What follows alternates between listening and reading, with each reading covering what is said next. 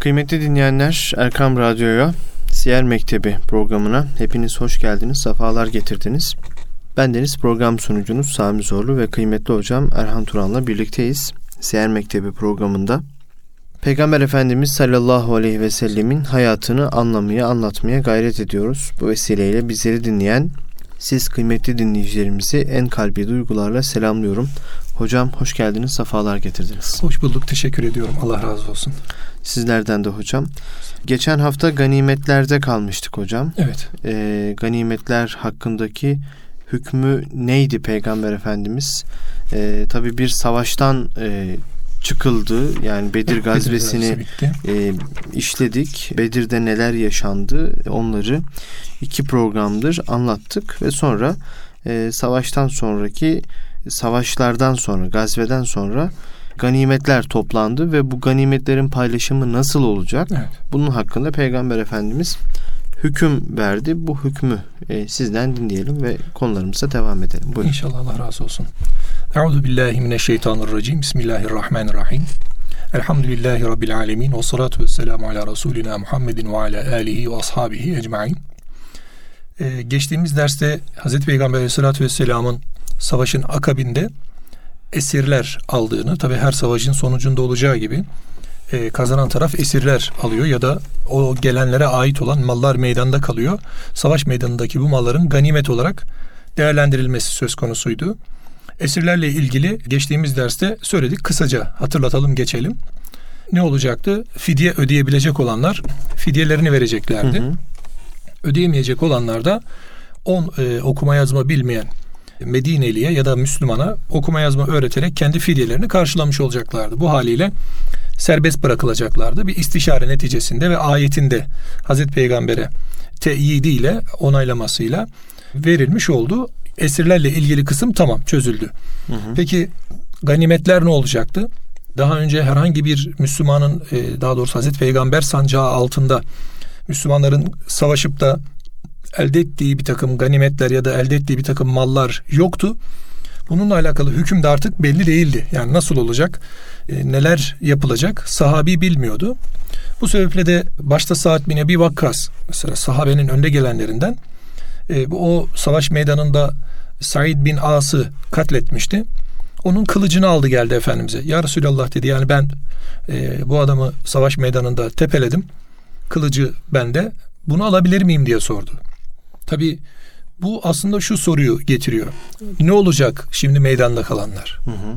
Bu soruyu getiriyor. Çünkü e, Resulullah Aleyhisselatü Vesselam'dan önceki milletlerde, peygamberlerde ganimetler alındıktan sonra meydana toplanıyordu. Büyük bir öbek oluşturuluyordu ve üzerine e, odun, tahta vesaire konup yakılıyordu. Hmm. Ganimetler imha ediliyordu. Böyle toplama gibi bir tabii, gelenek yok. Tabii toplama ve dağıtma, pay etme hmm. diye bir gelenek yoktu. Emir de yoktu. Hatta Efendimiz Aleyhisselatü Vesselam e, diğer peygamberlerden fark vasıflarını ayırırken bana ganimet helal kılındı buyuruyor. Hmm. Yani diğer e, peygamberlerde olmayan ama Efendimiz Aleyhisselatü Vesselam'da onlardan ayrılan bir vasıf olarak bu da zikrediliyor. Hazreti Peygamber tabi konuyla alakalı herhangi bir hüküm bilmediği için kendi ihtiyarıyla, tercihiyle hareket etmiyor. Bekliyor, vahiy bekliyor.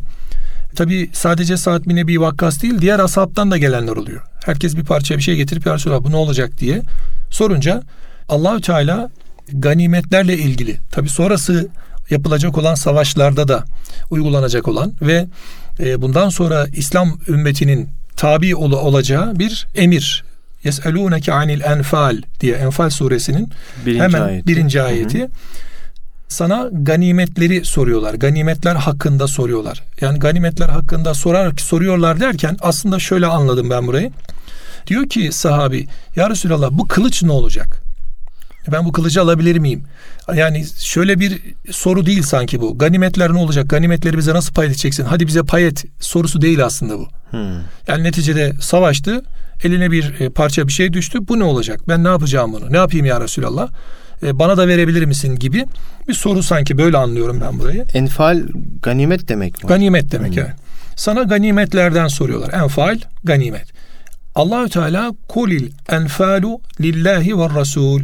Burada e, Cenab-ı Hak ganimetin tamamının Allah ve Resulüne ait olduğunu söylüyor.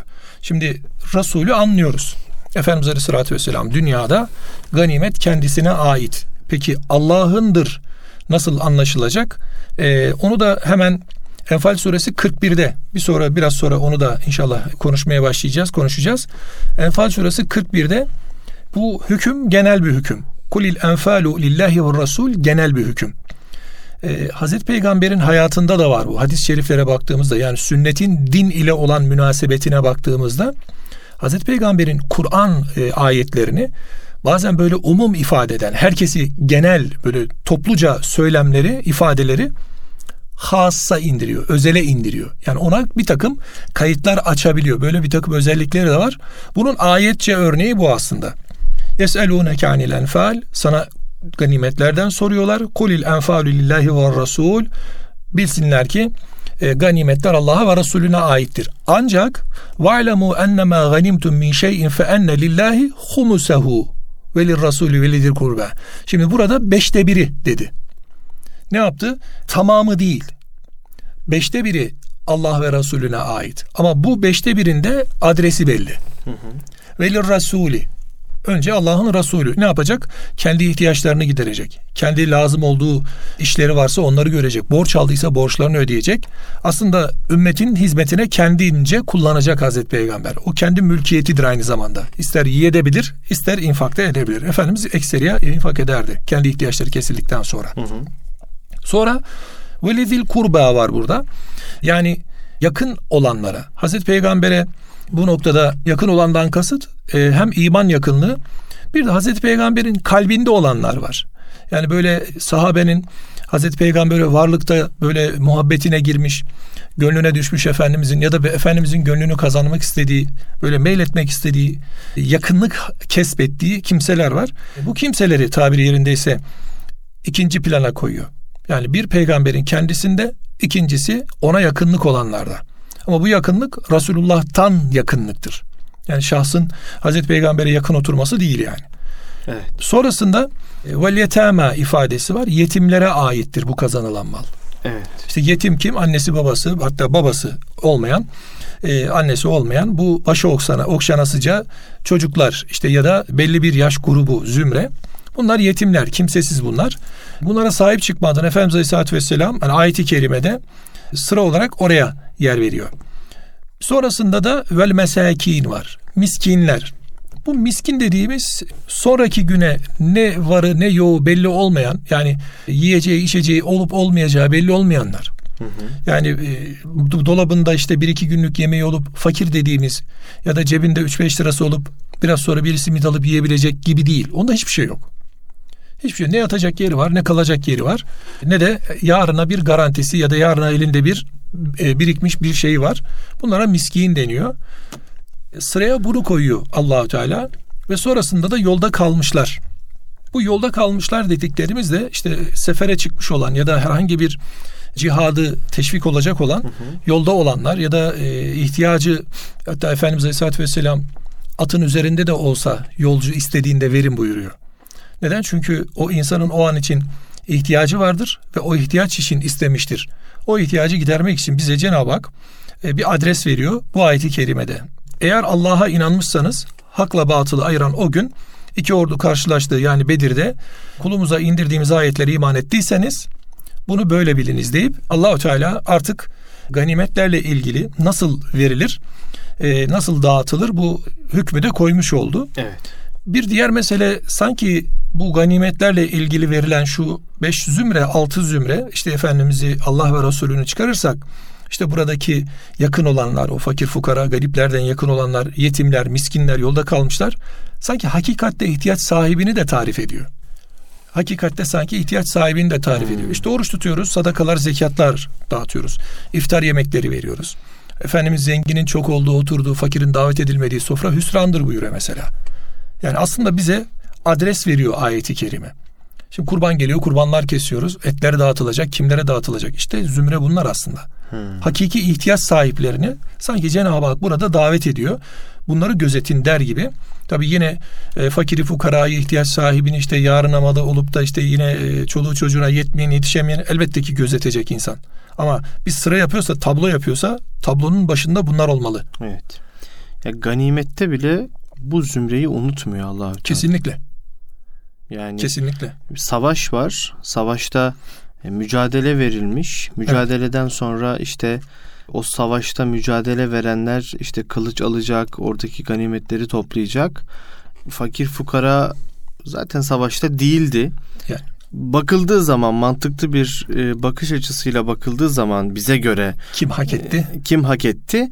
Ama burada bile Allahü Teala evet. unutmuyor yani. İşte burada fakiri özellikle buradaki adres gösterilen, burada isimleri zikredilenleri, yetim, miskin, yolda kalmış fakir fukara, işte o garibi gurabayı Allahü Teala bu varlık sahiplerine ganimette de zimmetliyor.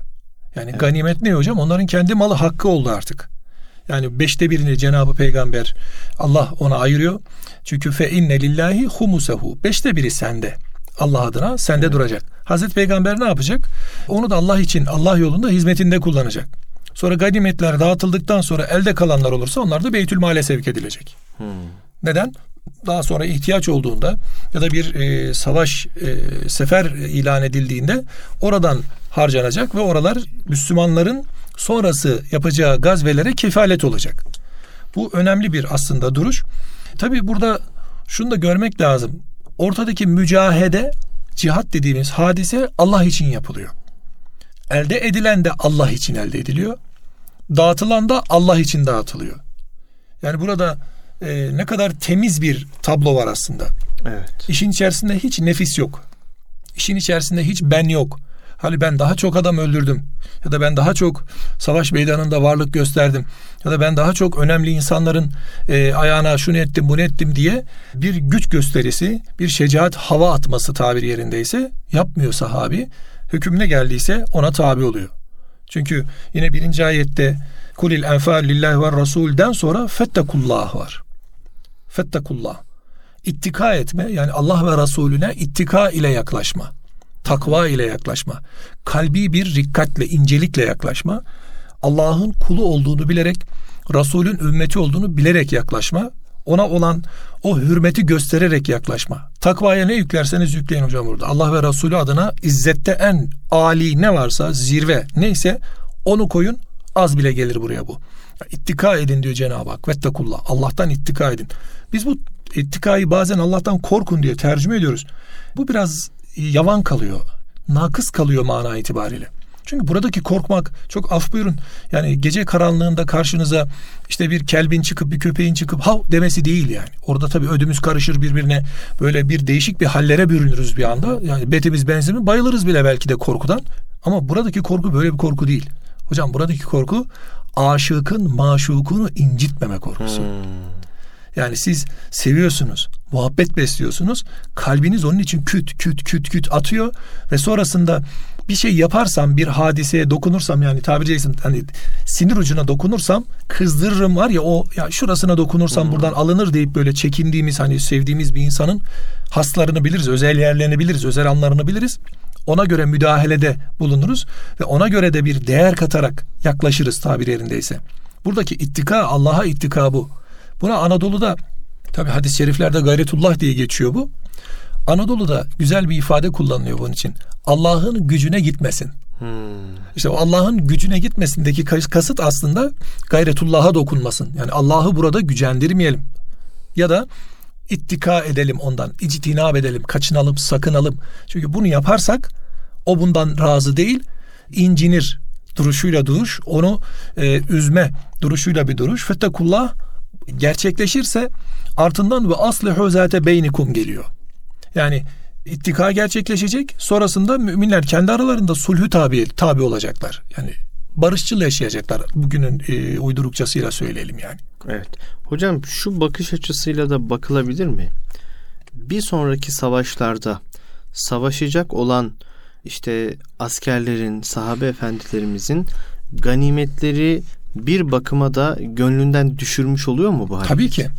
Tabii ki. Yani burada sahabenin e, ileri gelenleri diyelim. Çünkü sahabenin de biliyorsunuz Hazreti Peygamber'i veda açında dinleyen 120 küsür binden bahsediliyor. Tabi 120 bin küsürü de beş parmağın beşi gibi birbirinden farklı elbette. Mutlaka sahabenin zirvesi de var. Sahabenin nifaka yakın olanları da var. Yani bu e, Uhud Savaşı'nda göreceğiz mesela. 300 kişi terk ettiği zaman sahayı o 300'ün 300'ü de münafık değil. Aldananlar da var. Yani böyle bir hali düşünerek baktığımızda e, savaş için yani Allah için gelmede e, ya da bir gazveye çıkarken Allah rızası için çıkmada bir müştereklik, kalbe bir şirk diyelim onun adına. Mal şirki düşmesin. Evet. Hani gidelim nasıl olsa ganimet kalır bir dünya. Oradan da elde eder toparlanırız geliriz. Böyle bir savaşımız var zaten konuşacağız onda. Sahabe biz bu orduyla her yeri evelallah deyip gidip hezimete uğrayıp geliyor. Bu da var. Neden? Çünkü eğer muhabbet kayarsa mesela yakın hemen bir savaşımız bizim Uhud oradan örnek verelim. Evet. Ayneyn tepesindeki 50 okçunun 43'ü ganimet ganimet diyerek indi şeyden aşağıya, tepeden aşağıya. Ondan sonra Halid bin Velid arkadan döndürüp o Müslümanları böyle iki tabiri caizse böyle e, tost makinesi gibi iki e, kapak arasında sıkıştırıp ortada bertaraf etmeye başladı. Yani böyle bir e, hal yaşan işte ganimet yani dünyaya olan muhabbet azıcık böyle kalbe düştüğü zaman niyet bozuluyor. Niyet bozulduğu zaman da e, o amele tesir ediyor. Amelde koskoca ordunun mağlubiyetine çeviriyor. Ya. Çünkü evet. e, nasır kesiliyor. Yani Nasrullah dediğimiz Allah'ın yardımı imana doğru orantılı. İman ne kadar kıvam bulursa, iman ne kadar takvaya dönerse, iman ne kadar gücel, yücelir ve yükselmeye başlarsa Allah'ın yardımı da o minvalde, o derecede hatta kat kat. İşte o 3000, 5000 melek yardımları bundan sonra geliyor. Yani Uhud'da e, yine meleklerin yardımı var ama galibiyet yok. Ama orada da Allah'ın ashaba tabi tuttuğu bir imtihan var ve ashabın buradan alacak dersleri var. Tabi sadece ashab değil özelinde bizim de alacağımız dersler var. Bunu konuşacağız inşallah orada. Ama bu ittika meselesi yani kalbin mala mülke takva ile yaklaşmış olması kullar arasındaki de hasetliği ortadan kaldırıyor. Birbirlerinin malına göz dikmemeyi ortadan kaldırmış oluyor. Yani onlar birbirlerinin malına artık e, sadece bir emanetçi gözüyle bakar oluyorlar. Çünkü ilahi taksime rıza göstermemektir bu hasetlik. Allah'ın verdiğine razı olmamanın adıdır hasetlik. Yani bize ne verdiyse onunla razı olup hayata devam etmek gerekiyor. O zaman ittikadan geçilirse yani takva kalkarsa ara bozulmaya başlıyor. Takvalı olunursa ve aslihu zate beynikum oluyor. Aralarına sulh giriyor, barış giriyor, güzellik giriyor.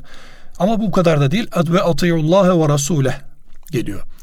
Atiyullahe ve rasuleh. Allah'a itaat gerekiyor ve Resulüne itaat gerekiyor. Bu aslında çok önemli bir e, çizgi. Allah ve Resulüne itaat çizgisi. Evet. Sadece burada Cenab-ı Hak atiyullahe deyip kesmiyor ayeti. Resulünü de kendine izafe ile ne yapıyor? Resulüne de itaatten bahsediyor. Çünkü Allah ile kulu arasındaki bilmiyorum ifadeyi doğru mu kullanacağım ama köprü diyelim. Bağlantı, rabıta, bağ, alaka, ilişki Allah ile kul arasındaki Hazreti Peygamberdir aleyhissalatü vesselam. Rasulüdür. Onun iki vecihesi var, iki yönü var. Bir beşer misyonu var. Beşer olarak yüklenmiş olduğu beşerlik vasfı var. Bir de vahiy tarafı var. Şimdi bir kulun tek başına vahye tabi olanı oturup e, zihin kalıplarıyla bir yerlere oturtması isabet olsa bile hatadır. Evet. Neden? Çünkü e, Allah adına Allah'ın iradesiyle Allah'ın muradıyla şöyledir demek çok tehlikeli bir e, şeye götürüyor insanı, hale götürüyor. Bu sebeple biz bunu düşünürken o hali düşünürken Resulü ile düşünmekle mükellefiz. Zaten ayetin devamında yani birinci ayetin sonunda da in kuntum müminin buyuruluyor. Ya Cenab-ı Hak yeselunake anil enfalin muhatabını ve sonrasındaki Allah ve Resulüne aittir. İttika edin. Aranızda e, sulhe tabi olun. Allah ve Resulüne itaat edin ama müminseniz. Evet. Eğer iman ediyorsanız, in kuntum müminin siz iman edenlerdenseniz böyle yapın buyuruyor Cenab-ı Hak. Ve ardından da artık Hazreti Peygamber Aleyhisselatü Vesselam e, yakınında bulunanlarla birlikte ganimetleri dağıtıyor. Beşte birini kendisi e, bir kenara koyuyor. Hatta diyor ki beşte birin dışındaki bana helal değildir diyor Peygamberimiz. Hmm. Çünkü Allah bu kadar bana helal etti. Beşte birin dışındaki bana helal değildir. Kalanı da Beytül Mal'e gönderiyor. Peygamberimiz kendisine ayırdığı ganimetten olan payıyla birlikte e, Beytül Mal'e kalanları yine müminlerin hizmetinde kullanıyor. Çünkü Efendimiz borçlandığı zaman kendi e, zevki için borçlanmıyor.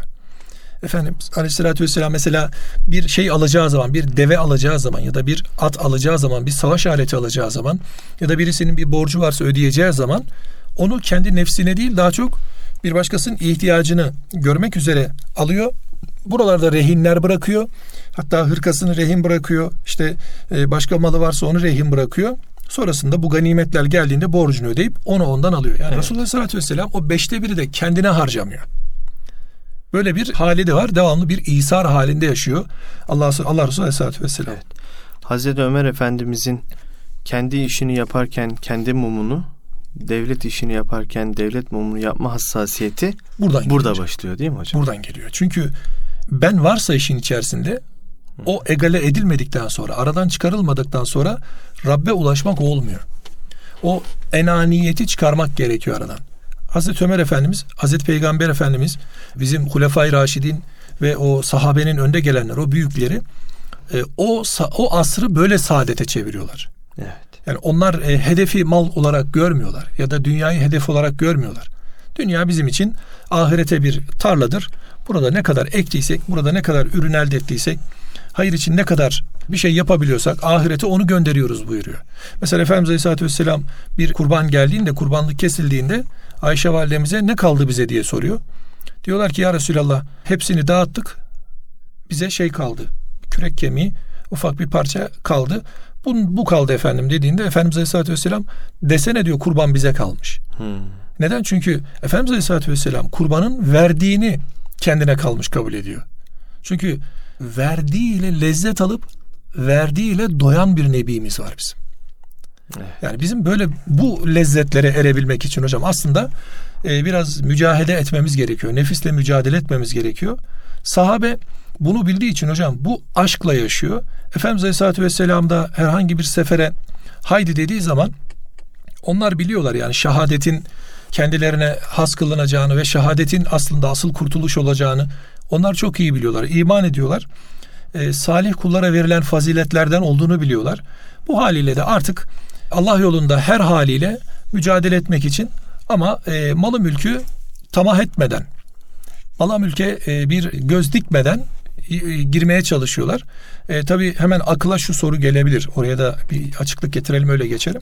Peki o zaman Uhud'da Ayneyn tepesinden o insanlar ganimet diye neden ayrıldılar?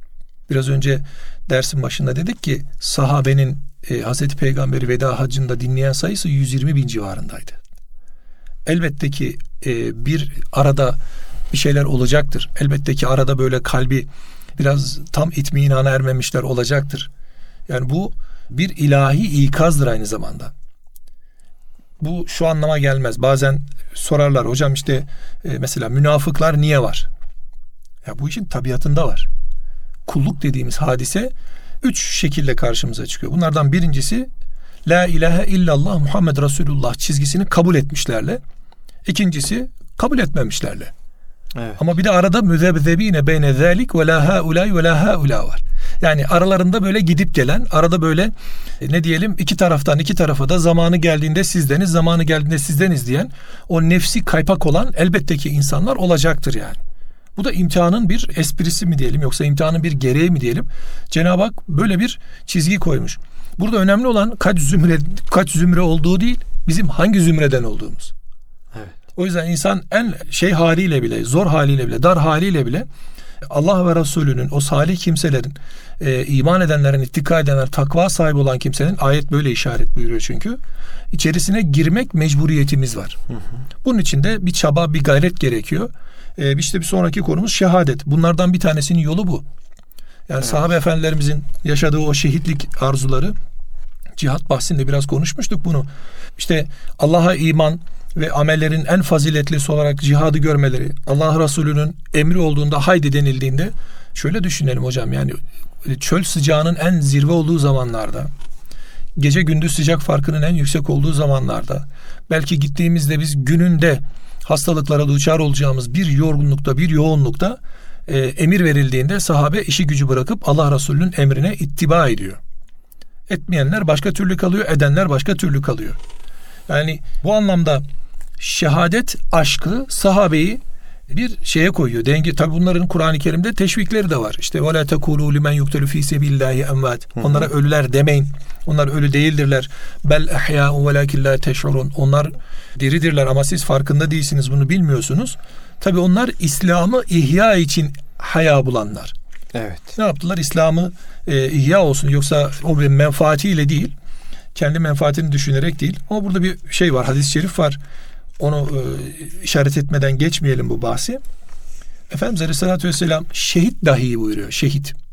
Üzerinde kul hakkı varsa cennete giremez buyuruyor. Hmm. Yani Evet. Allah şehidin kul hakkı dışındakilere de mağfiret eder buyuruyor Peygamberimiz. Demek ki e, şehidin şehadeti kendisine şehitlik anlamında elbette ki büyük bir lütuf, büyük bir ikram. Ama burada şehidin kula ait olan, kulla beraber yaşadığı haklar bunlar e, gözden kaçmayacak.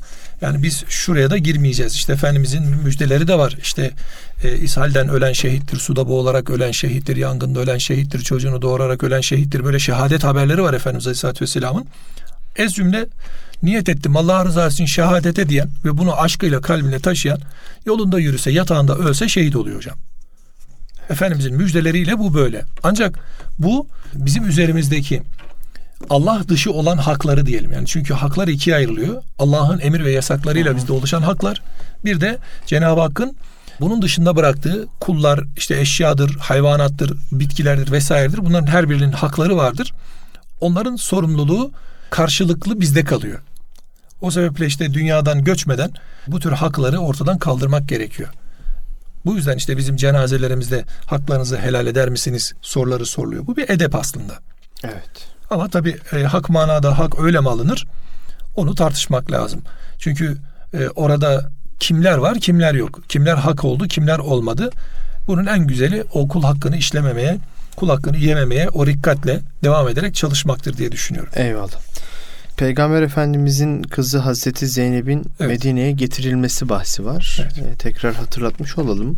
Biz bu programımızı muhterem büyüğümüz Osman Nuri Topbaş Hoca Efendi'nin Hazreti Muhammed Mustafa sallallahu aleyhi ve sellem bir Mekke iki Medine e, devri olmak üzere iki cilt halinde kaleme almış olduğu kitabından işliyoruz.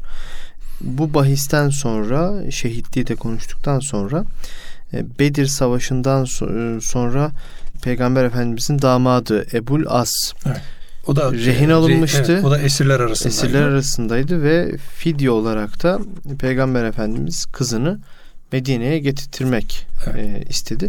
Bunu konuşacağız hocam ama bu haftalık vaktimizin sonuna geldik. Çabuk geçmişiz E, hocam. çabuk geçtik hocam. E, Peki. muhabbet güzel olunca Ah. Allah vakit çabuk olsun. geçiyor. Allah razı olsun. İnşallah. Önümüzdeki hafta bu bahisten konuşacağız inşallah. İnşallah. Kıymetli dinleyenler Erkam Radyo'da Erhan Turan hocamla birlikte Siyer Mektebi programındaydık. Haftaya Peygamber Efendimizin hayatından güzellikleri hayatımıza taşımaya devam edeceğiz diyelim. Allah'a emanet olun. Kulağınız bizde olsun efendim.